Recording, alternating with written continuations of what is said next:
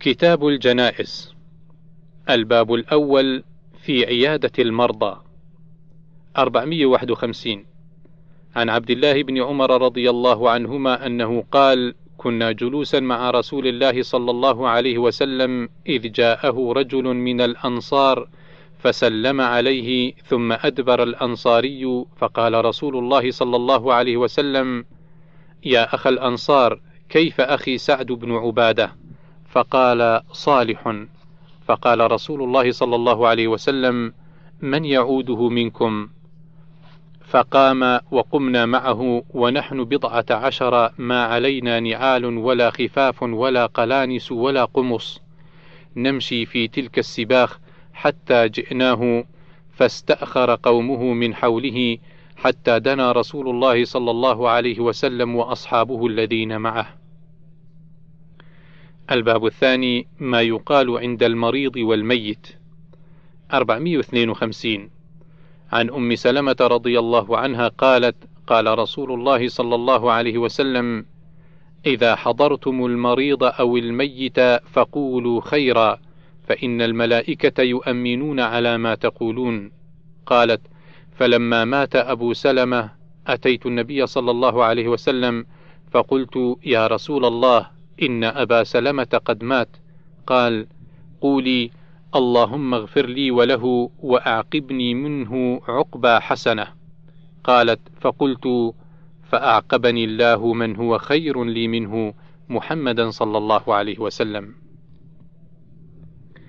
الباب الثالث تلقين الموتى لا إله إلا الله.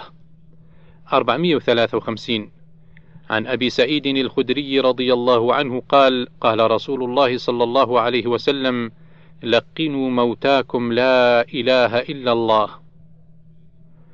الباب الرابع من أحب لقاء الله أحب الله لقاءه. 454 عن عائشة رضي الله عنها قالت قال رسول الله صلى الله عليه وسلم من أحب لقاء الله أحب الله لقاءه. ومن كره لقاء الله كره الله لقاءه. فقلت يا نبي الله أكراهية الموت؟ فكلنا يكره الموت. قال ليس كذلك. ولكن المؤمن إذا بشر برحمة الله ورضوانه وجنته أحب لقاء الله فأحب الله لقاءه. وإن الكافر إذا بشر بعذاب الله وسخطه كره لقاء الله وكره الله لقاءه. وفي رواية عن شريح بن هانئ عن أبي هريرة رضي الله عنه قال قال رسول الله صلى الله عليه وسلم من أحب لقاء الله أحب الله لقاءه ومن كره لقاء الله كره الله لقاءه. قال فأتيت عائشة فقلت يا أم المؤمنين سمعت أبا هريرة يذكر عن رسول الله صلى الله عليه وسلم حديثا إن كان كذلك فقد هلكنا. فقالت إن الهالك من هلك بقول رسول الله صلى الله عليه وسلم وما ذاك؟ قال قال رسول الله صلى الله عليه وسلم من أحب لقاء الله أحب الله لقاءه ومن كره لقاء الله كره الله لقاءه. وليس منا أحد إلا وهو يكره الموت. فقالت قد قاله رسول الله صلى الله عليه وسلم وليس بالذي تذهب إليه ولكن إذا شخص البصر وحشرج الصدر واقشعر الجلد وتشنجت الأصابع فعند ذلك من أحب لقاء الله أحب الله لقاءه ومن كره لقاء الله كره الله لقاءه. أخرجه البخاري 6507 الباب الخامس في حسن الظن بالله تعالى عند الموت. 455 عن جابر رضي الله عنه قال سمعت النبي صلى الله عليه وسلم قبل وفاته بثلاث يقول لا يموتن أحدكم إلا وهو يحسن بالله الظن. الباب السادس إغماض الميت والدعاء له إذا حضر.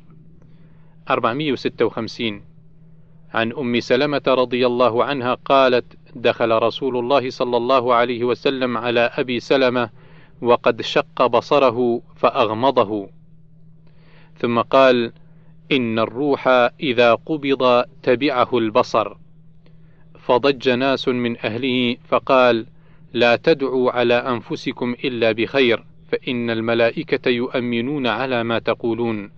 ثم قال اللهم اغفر لأبي سلمة وارفع درجته في المهديين واخلفه في عقبه في الغابرين واغفر لنا وله يا رب العالمين.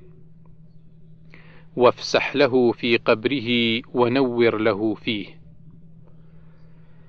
الباب السابع في تسجية الميت 457 عن عائشة أم المؤمنين رضي الله عنها قالت: سجي رسول الله صلى الله عليه وسلم حين مات بثوب حبرة. أخرجه البخاري 5814. الباب الثامن في أرواح المؤمنين وأرواح الكافرين. 458 عن أبي هريرة رضي الله عنه قال: إذا خرجت روح المؤمن تلقاها ملكان يصعدانها قال حماد فذكر من طيب ريحها وذكر المسك. قال ويقول أهل السماء روح طيبة جاءت من قبل الأرض صلى الله عليك وعلى جسد كنت تعمرينه. فينطلق به إلى ربه ثم يقول انطلقوا به إلى آخر الأجل. قال وإن الكافر إذا خرجت روحه قال حماد وذكر من نتنها وذكر لعنا ويقول أهل السماء روح خبيثة جاءت من قبل الأرض. قال فيقال انطلقوا به إلى آخر الأجل. قال أبو هريرة فرد رسول الله صلى الله عليه وسلم ريطة كانت عليه على أنفه هكذا. الباب التاسع في الصبر على المصيبة عند أول الصدمة. 459 عن أنس بن مالك رضي الله عنه أن رسول الله صلى الله عليه وسلم أتى على امرأة تبكي على صبي لها فقال لها اتق الله واصبري فقالت وما تبالي بمصيبتي فلما ذهب قيل لها إنه رسول الله صلى الله عليه وسلم فأخذها مثل الموت فأتت بابه فلم تجد على بابه بوابين. قالت يا رسول الله لم أعرفك. فقال إنما الصبر عند أول صدمة أو قال عند أول الصدمة. أخرجه البخاري 1283 الباب العاشر ثواب من يموت له الولد فيحتسبه. 460 عن أبي هريرة رضي الله عنه أن رسول الله صلى الله عليه وسلم قال لنسوة من الأنصار لا يموت لإحداكن ثلاثة من الولد فتحتسبه إلا دخلت الجنة. فقالت امرأة منهن أو اثنان يا رسول الله؟ قال أو اثنان. وبإسناد آخر عنه مرفوعا لا يموت لأحد من المسلمين ثلاثة من الولد فتمسه النار إلا تحلة القسم. أخرجه البخاري 1429 و 1251 الباب الحادي عشر ما يقال عند المصيبة.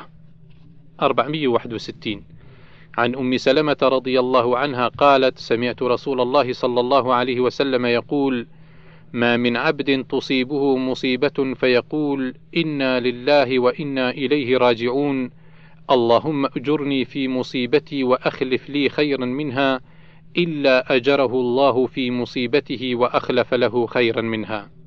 قالت فلما توفي أبو سلمة قلت كما أمرني رسول الله صلى الله عليه وسلم فأخلف الله لي خيرا منه رسول الله صلى الله عليه وسلم. الباب الثاني عشر البكاء على الميت. 462 عن عبد الله بن عمر رضي الله عنهما قال اشتكى سعد بن عبادة شكوى له فأتى رسول الله صلى الله عليه وسلم يعوده مع عبد الرحمن بن عوف وسعد بن أبي وقاص وعبد الله بن مسعود رضي الله عنهم. فلما دخل عليه وجده في غشية فقال أقد مضى قالوا لا يا رسول الله. فبكى رسول الله صلى الله عليه وسلم. فلما رأى القوم بكاء رسول الله صلى الله عليه وسلم بكوا فقال ألا تسمعون؟ إن الله لا يعذب بدمع العين ولا بحزن القلب ولكن يعذب بهذا وأشار إلى لسانه أو يرحم. أخرجه البخاري 1304 الباب الثالث عشر التشديد في النياحة. 463 عن أبي مالك الأشعري رضي الله عنه أن النبي صلى الله عليه وسلم قال: أربع في أمتي من أمر الجاهلية لا يتركونهن: الفخر في الأحساب، والطعن في الأنساب، والاستسقاء بالنجوم، والنياحة. وقال: النائحة إذا لم تتب قبل موتها تقام يوم القيامة وعليها سربال من قطران ودرع من جرب. الباب الرابع عشر. ليس منا من ضرب الخدود وشق الجيوب. 464 عن عبد الله بن مسعود رضي الله عنه قال قال رسول الله صلى الله عليه وسلم ليس منا من ضرب الخدود أو شق الجيوب أو دعا بدعوى الجاهلية. وفي لفظ وشق ودعا بغير ألف. أخرجه البخاري 1297 الباب الخامس عشر الميت يعذب ببكاء الحي 465 عن عمرة بنت عبد الرحمن رضي الله عنهما أنها سمعت عائشة رضي الله عنها وذكر لها أن عبد الله بن عمر يقول إن الميت ليعذب ببكاء الحي. فقالت عائشة يغفر يغفر الله لأبي عبد الرحمن أما إنه لم يكذب ولكنه نسي أو أخطأ إنما مر رسول الله صلى الله عليه وسلم على يهودية يبكى عليها. فقال إنهم ليبكون عليها وإنها لتعذب في قبرها. أخرجه البخاري 1289 الباب السادس عشر ما جاء في مستريح ومستراح منه. 466 عن أبي قتادة بن ربعي رضي الله عنه أنه كان يحدث أن رسول الله صلى الله عليه وسلم مر عليه بجنازة فقال: مستريح ومستراح منه، فقالوا: يا رسول الله ما المستريح وما المستراح منه؟ فقال: العبد المؤمن يستريح من نصب الدنيا والعبد الفاجر يستريح منه العباد والبلاد والشجر والدواب. أخرجه البخاري 6512 الباب السابع عشر في غسل الميت 467 عن أم عطية رضي الله عنها قالت: لما ماتت زينب بنت رسول الله صلى الله عليه وسلم قال لنا رسول الله صلى الله عليه وسلم: اغسلنها وترا ثلاثا أو خمسا وجعلن في الخامسة كافورا أو شيئا من كافور فإذا غسلتنها فأعلمنني. قالت فأعلمناه فأعطانا حقوه وقال أشعرنها إياه. أخرجه البخاري 1253 الباب الثامن عشر في كفن الميت.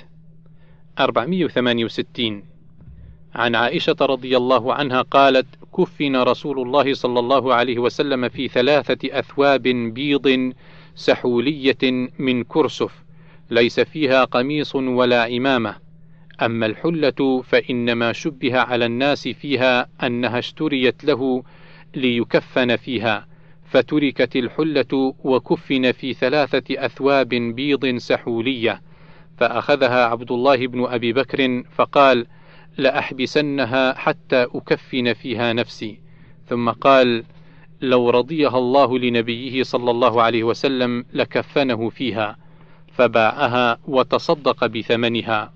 أخرجه البخاري 1264. الباب التاسع عشر في تحسين كفن الميت 469 عن جابر بن عبد الله رضي الله عنهما أن النبي صلى الله عليه وسلم خطب يوما فذكر رجلا من أصحابه قبض فكفن في كفن غير طائل وقبر ليلا فزجر النبي صلى الله عليه وسلم أن يقبر الرجل بالليل حتى يصلى عليه إلا أن يضطر إنسان إلى ذلك. وقال النبي صلى الله عليه وسلم إذا كفن أحدكم أخاه فليحسن كفنه. الباب العشرون الإسراع بالجنازة. 470 عن أبي هريرة رضي الله عنه عن النبي صلى الله عليه وسلم قال أسرعوا بالجنازة فإن تك صالحة فخير. لعله قال تقدمونها إليه وإن تك غير ذلك فشر تضعونه عن رقابكم. أخرجه البخاري 1315 الباب الحادي والعشرون نهي النساء عن اتباع الجنائز. 471 عن أم عطية رضي الله عنها قالت كنا ننهى عن اتباع الجنائز ولم يعزم علينا. أخرجه البخاري 1278 الباب الثاني والعشرون القيام للجنازة. 472 عن جابر بن عبد الله رضي الله عنهما قال مرت جنازة فقام لها رسول الله صلى الله عليه وسلم وقمنا معه فقلنا يا رسول الله إنها يهودية. فقال إن الموت فزع فإذا رأيتم الجنازة فقوموا لها. أخرجه البخاري 1311 الباب الثالث والعشرون نسخ القيام للجنازة. 473 عن علي رضي الله عنه قال رأينا رسول الله صلى الله عليه وسلم قام فقمنا وقعد فقعدنا يعني في الجنازة. الباب الرابع والعشرون أين يقوم الإمام من الميت للصلاة عليه. 474 عن سمرة بن جندب رضي الله عنه قال صليت خلف النبي صلى الله عليه وسلم وصلى على أم كعب ماتت وهي نفساء فقام رسول الله صلى الله عليه وسلم للصلاة عليها وسطها. أخرجه البخاري 1332 الباب الخامس والعشرون في التكبير على الجنازة. 475 عن أبي هريرة رضي الله عنه أن رسول الله صلى الله عليه وسلم نعى للناس النجاشي في اليوم الذي مات فيه فخرج بهم إلى المصلى وكبر أربع تكبيرات. أخرجه البخاري 1333 الباب السادس والعشرون في التكبير خمسا. 476 عن عبد الرحمن بن أبي ليلى قال كان زيد رضي الله عنه يكبر على جنائزنا أربعا وإنه كبر على جنازة خمسا فسألته فقال كان رسول الله صلى الله عليه وسلم يكبرها. الباب السابع والعشرون الدعاء للميت. 477 عن عوف بن مالك رضي الله عنه قال صلى رسول الله صلى الله عليه وسلم على جنازة فحفظت من دعائه وهو يقول: اللهم اغفر له وارحمه وعافه واعف عنه وأكرم نزله ووسع مدخله واغسله بالماء والثلج والبرد ونقه من الخطايا كما نقيت الثوب الأبيض من الدنس وأبدله دارا خيرا من داره واهلا خيرا من أهله وزوجا خيرا من زوجه وأدخله الجنة وأعذه من عذاب القبر ومن عذاب النار. حتى تمنيت أن أكون ذلك الميت. تابع لكتاب الجنائز من مختصر صحيح مسلم. الباب الثامن والعشرون الصلاة على الميت في المسجد. 478 عن عائشة رضي الله عنها أنها لما توفي سعد بن أبي وقاص رضي الله عنه أرسل أزواج النبي صلى الله عليه وسلم أن يمروا بجنازته في المسجد فيصلين عليه. ففعلوا فوقف به على حجرهن يصلين عليه. أخرج به من باب الجنائز الذي كان إلى المقاعد. فبلغهن أن الناس عابوا ذلك وقالوا ما كانت الجنائز يدخل بها المسجد. فبلغ ذلك عائشة فقالت ما أسرع الناس إلى أن يئيبوا ما لا علم لهم به.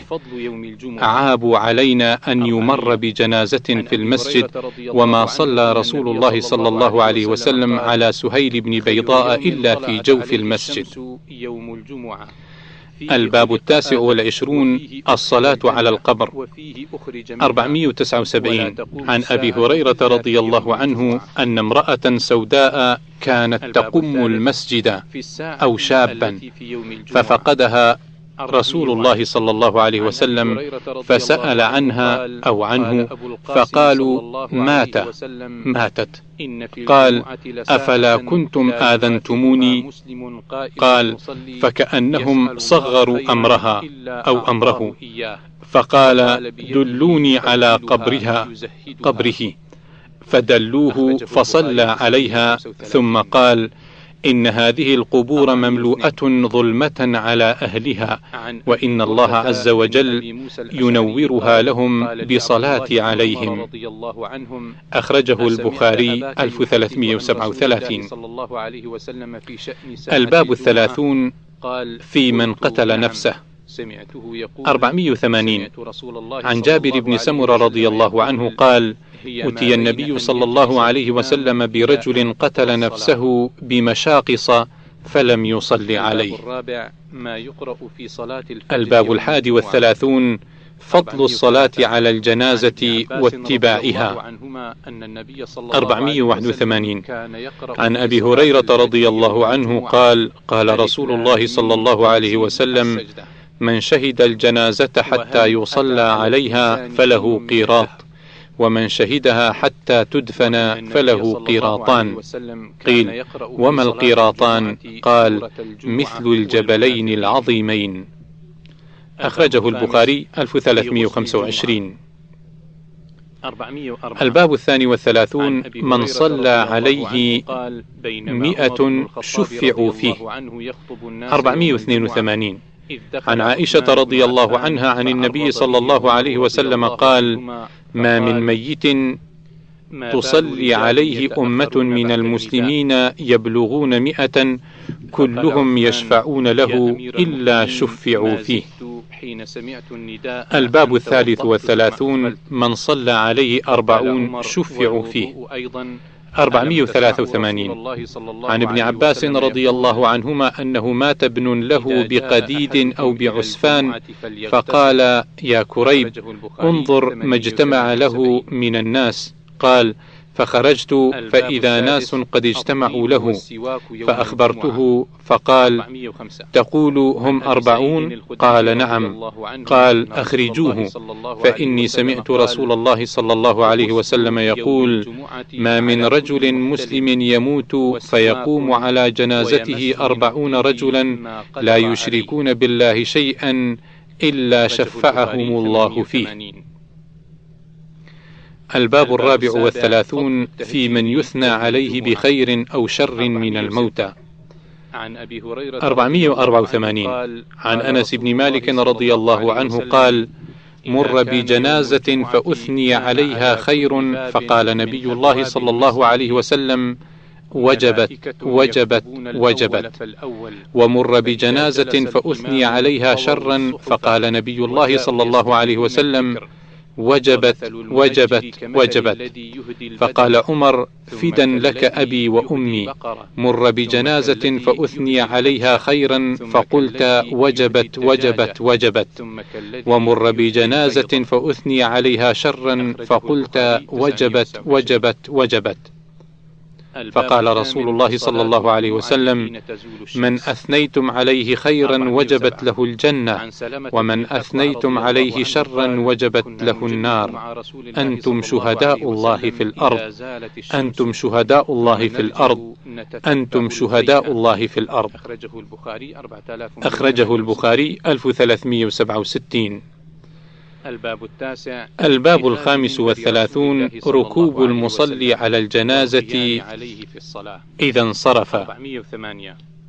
عن أبي حازم 485 سهل بن سعد رضي الله عنهم عن جابر بن سمرة رضي الله عنه قال صلى رسول الله صلى الله عليه وسلم على ابن الدحداح ثم أتي بفرس عري فعقله رجل فركبه فجعل يتوقص به ونحن نتبعه نسعى خلفه. قال فقال رجل من القوم إن النبي صلى الله عليه وسلم قال كم من عذق معلق أو مدلى في الجنة لابن الدحداح.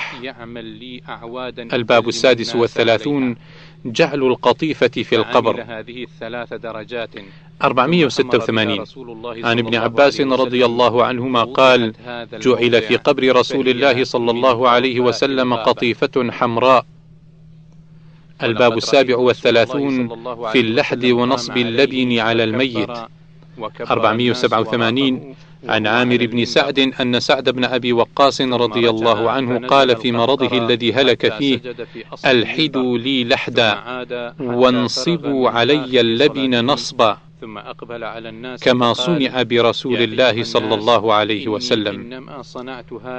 الباب الثامن والثلاثون. الأمر بتسوية القبور. 488 عن أبي الهياج الأسدي قال قال لي علي بن أبي طالب رضي الله عنه ألا أبعثك على ما بعثني عليه رسول الله صلى الله عليه وسلم أن لا تدع تمثالا إلا طمسته ولا قبرا مشرفا إلا سويته. الباب التاسع والثلاثون كراهية البناء والتجصيص على القبور. لو أني 489 عن جابر رضي الله عنه قال نهى رسول الله صلى الله عليه وسلم أن يجصص القبر وأن يقعد عليه وأن يبنى عليه. الباب الأربعون. إذا مات المرء عرض عليه مقعده بالغداة والعشي من الجنة والنار. 490 عن ابن عمر رضي الله عنهما أن رسول الله صلى الله عليه وسلم قال إن أحدكم إذا مات عرض عليه مقعده بالغداة والعشي. إن كان من أهل الجنة فمن أهل الجنة. وإن كان من أهل النار فمن أهل النار. يقال هذا مقعدك حتى يبعثك الله إليه يوم القيامة. أخرجه البخاري 1379 الباب الحادي والأربعون سؤال الملكين للعبد.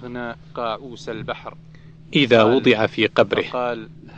491 عن أنس بن مالك رضي الله عنه قال قال نبي الله صلى الله عليه وسلم إن العبد إذا وضع في قبره وتولى عنه أصحابه إنه ليسمع قرع نعالهم. زاد في رواية إذا انصرفوا.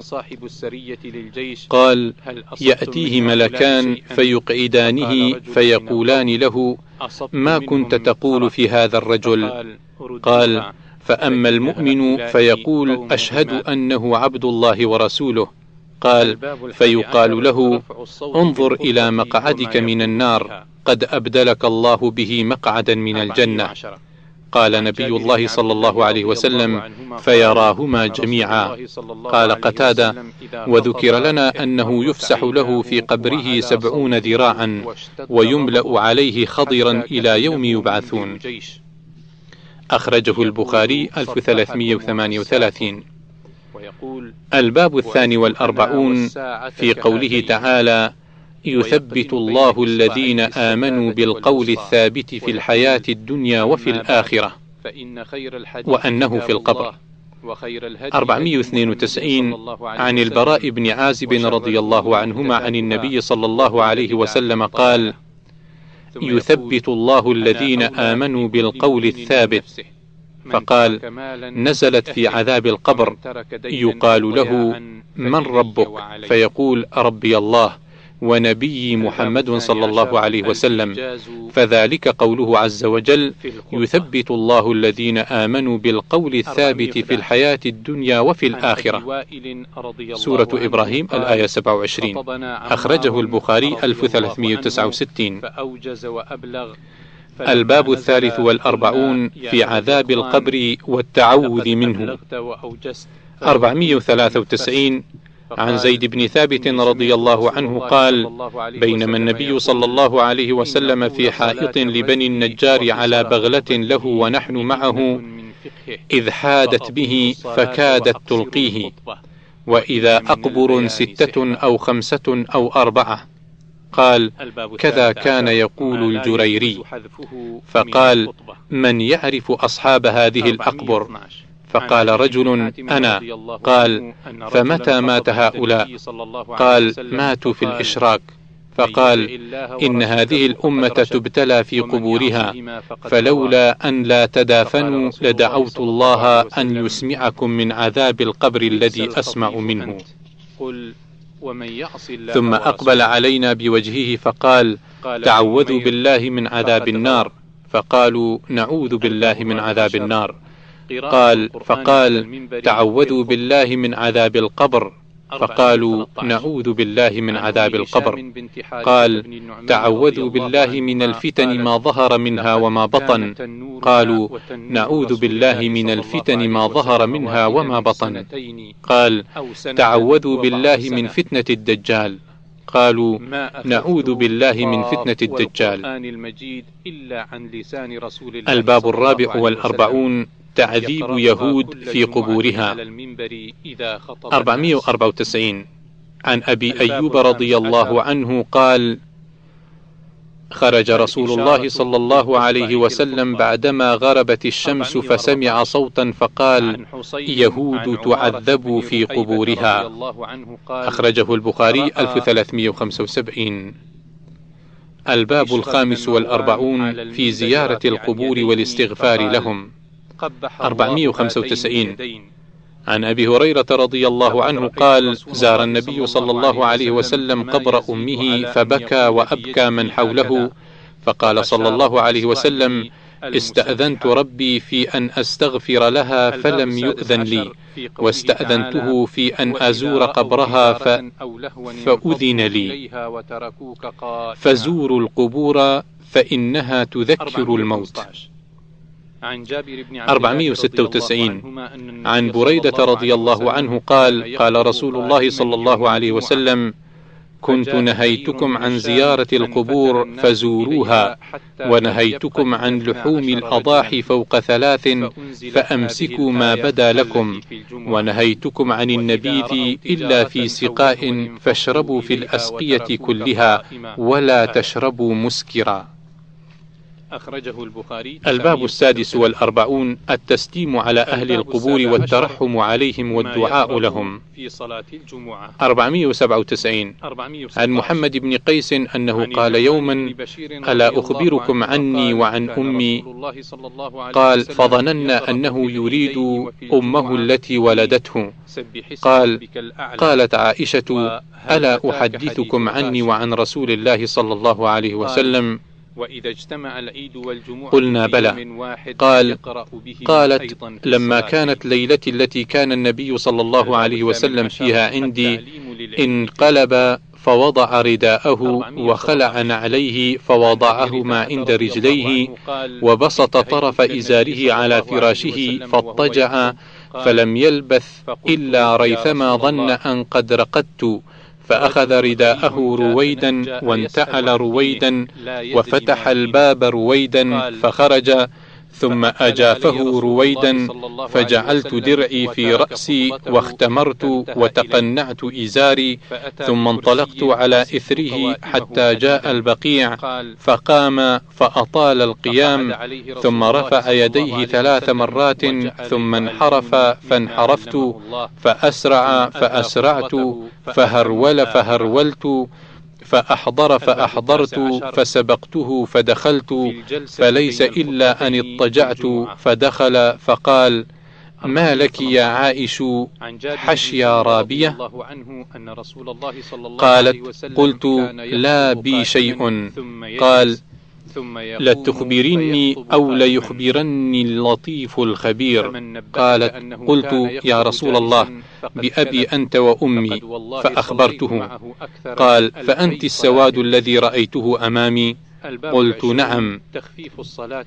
فلهدني في صدري لهدة أوجعتني ثم قال أظننت أن يحيف الله عليك ورسوله. قالت مهما يكتم الناس يعلمه الله. نعم. قال فإن جبريل عليه السلام أتاني حين رأيت فناداني فأخفاه منك فأجبته فأخفيته منك ولم يكن يدخل عليك وقد وضعت ثيابك وظننت أن قد رقدت فكرهت أن أوقظك وخشيت أن تستوحشي. فقال إن ربك يأمرك أن تأتي أهل البقيع فتستغفر لهم. قالت قلت كيف أقول لهم يا رسول الله؟ قال السلام على أهل الديار من المؤمنين والمسلمين. ويرحم الله المستقدمين منا والمستأخرين. وإنا إن شاء الله بكم للاحقون. الباب السابع والأربعون الجلوس على القبور والصلاة عليها. 498 عن أبي هريرة رضي الله عنه قال قال رسول الله صلى الله عليه وسلم لأن يجلس أحدكم على جمرة فتحرق ثيابه فتخلص إلى جلده خير له من أن يجلس على قبر. 499 عن أبي مرثد الغنوي رضي الله عنه قال قال رسول الله صلى الله عليه وسلم لا تجلسوا على القبور ولا تصلوا إليها. الباب الثامن والأربعون في الرجل الصالح يثنى عليه. خمسمية. عن أبي ذر رضي الله عنه قال قيل لرسول الله صلى الله عليه وسلم أرأيت الرجل يعمل العمل من الخير ويحمده الناس عليه؟ قال تلك عاجل بشرى المؤمن.